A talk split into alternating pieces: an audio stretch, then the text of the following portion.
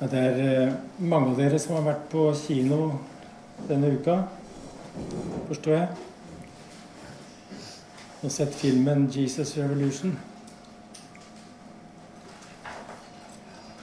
Og hva den filmen handler om,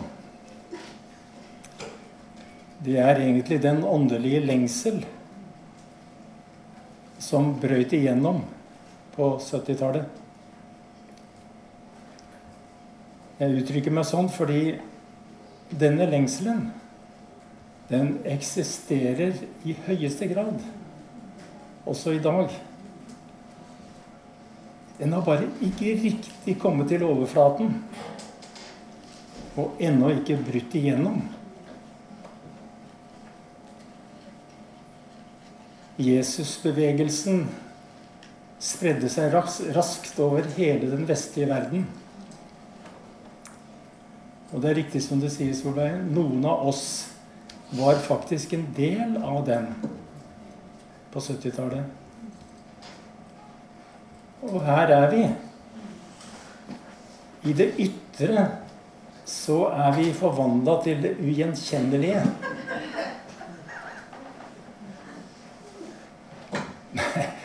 Men i det indre brenner det fremdeles den samme flammen. Filmen viser hvordan unge mennesker gjennom hippiebevegelsen søkte et uttrykk for sin lengsel i en fri omgang med seksualitet og rusmidler. Eller som en av hovedpersonene, Lonnie Frisbee, sier i filmen Dette er ungdommer som leter etter de rette tingene på feil sted.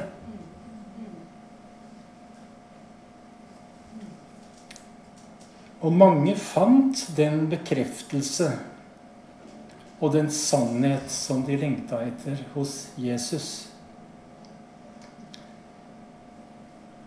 Og denne lengselen er i like stor grad til stede i samfunnet i dag. Den har bare ikke brutt igjennom. Og funnet et hjem, slik den gjorde på 70-tallet. For lengselen, den er stor. Men den gir seg utslag i mange forskjellige retninger. Ikke minst i forskjellige åndelige retninger. Men vi skal vite at denne lengselens opprinnelse, dens arnested dens, opp, dens opprinnelse er Guds eget initiativ. Som trekker på mennesker som han elsker. Som en magnet.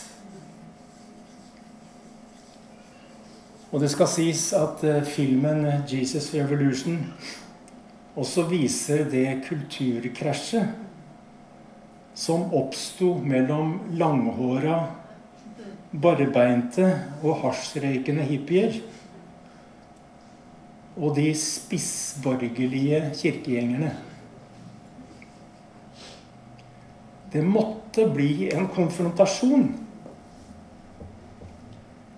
For som en av disse kirkegjengerne sier Barbeinte folk på gudstjenesten. Det er jo uverdig. Tenk på teppet.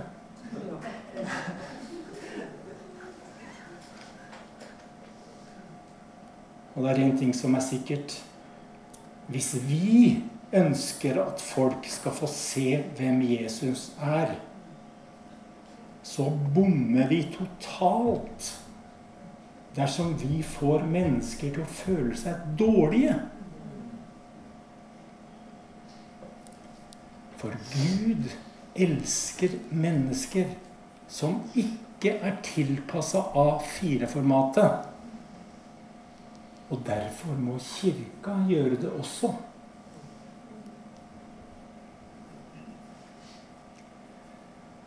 Dersom vi ikke kan akseptere mennesker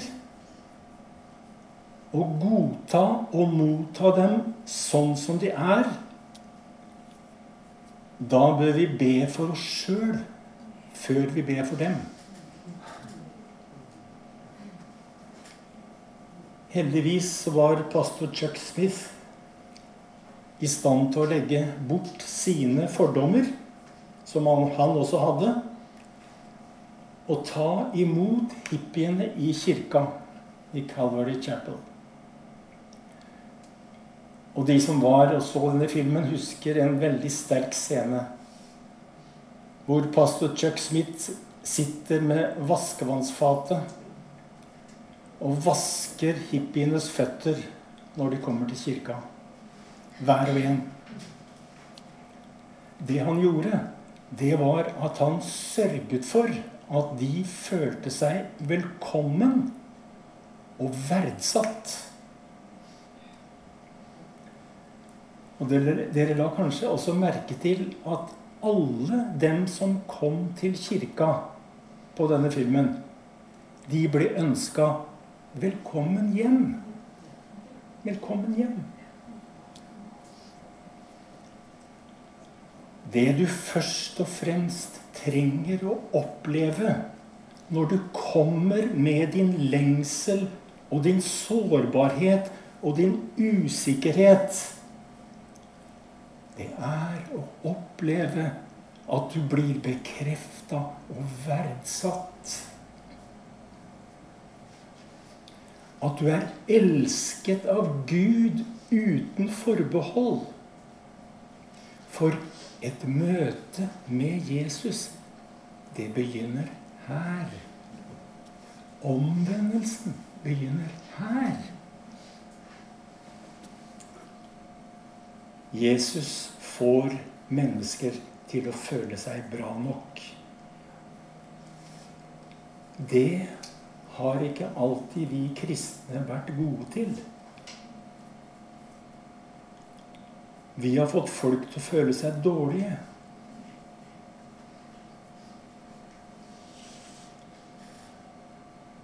Menneskene er den evige hjemløse på leiting etter sitt opphav.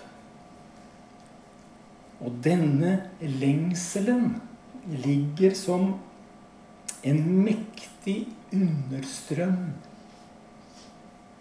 i vår alles bevissthet. Den ligger bak vår rasjonalitet. For der ligger en anelse om at det må finnes noe mer.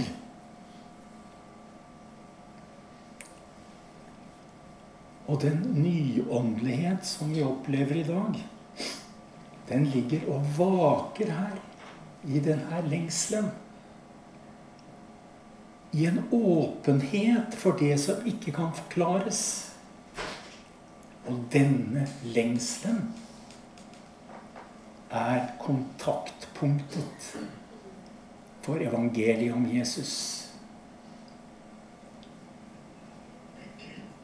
Vi mennesker er ofte tilbøyelige til å ignorere denne lengselen.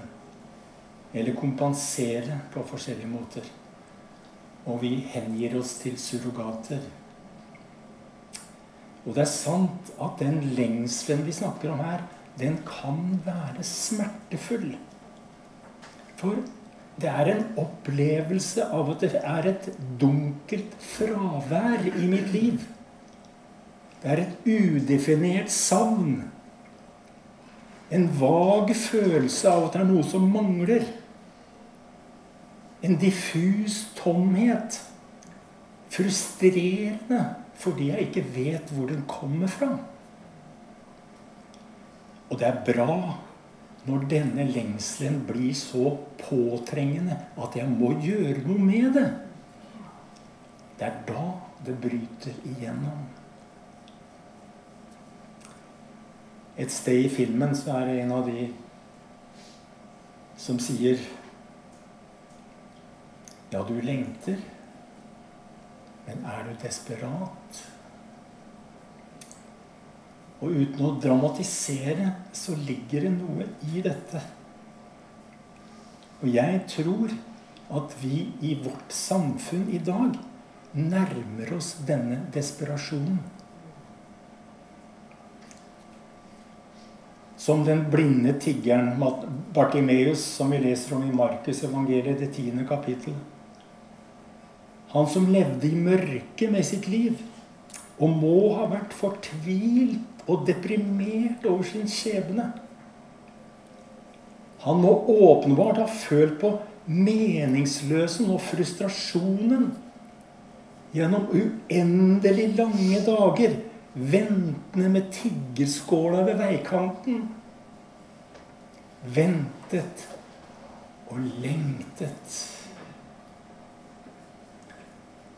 Antagelig så har han bedt til Gud tusenvis av ganger om en forandring, om å få synet tilbake.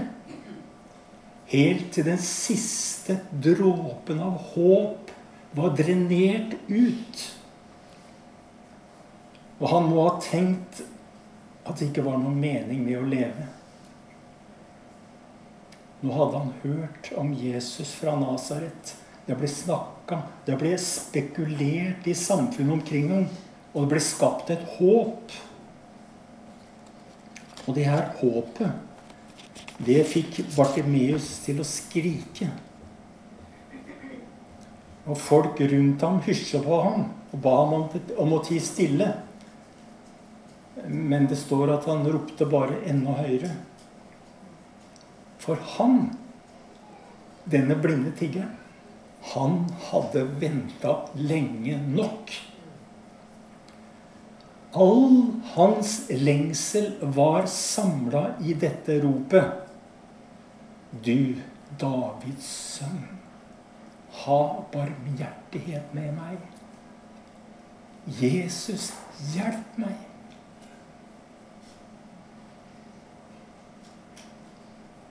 I en forstand så kjenner vi alle på denne lengselen. Og vi forstår hva det vil si å vente og lengte og håpe. Men når lengselen kommer til overflata For det gjør den før eller siden. Da er det kirkas oppgave å ta imot alle mennesker sånn som de er. Sånn at ingen føler seg dårlige. For Jesus får aldri noen til å føle seg dårlig. Jesus ser forbi synden. Jesus ser forbi alt som formørker sinnet. Forbi alt som gjør oss blinde. Forbi alle løgnene og alle surrogatene. Og Jesus forteller deg at det er en mening med ditt liv. Jeg ser deg, og du er verdifull. Jesus vil vise deg at ditt, at ditt liv ikke er noe mindre enn et Guds åkerland. Ditt liv er et Guds interesseområde og kontaktpunkt for hans kjærlighet. Og du trenger å forstå at ditt liv er enestående. Med alle dine sår og alle dine frustrasjoner. Og du trenger å se at helt fra verdens skapelse så har det aldri vært noen som deg. Og det kommer aldri til å bli noen som deg heller. Derfor er du unik. Og Gud ser det. Det har aldri funnes noen som deg før. Og det kommer aldri til å finnes mer. Derfor har ditt hjertes åker noe å gi din skaper som ingen har kunnet gi før, og ingen kan gi etter deg. Den tiden du er til stede her i verden, så har du noe å tilføre denne verden som ingen andre kan.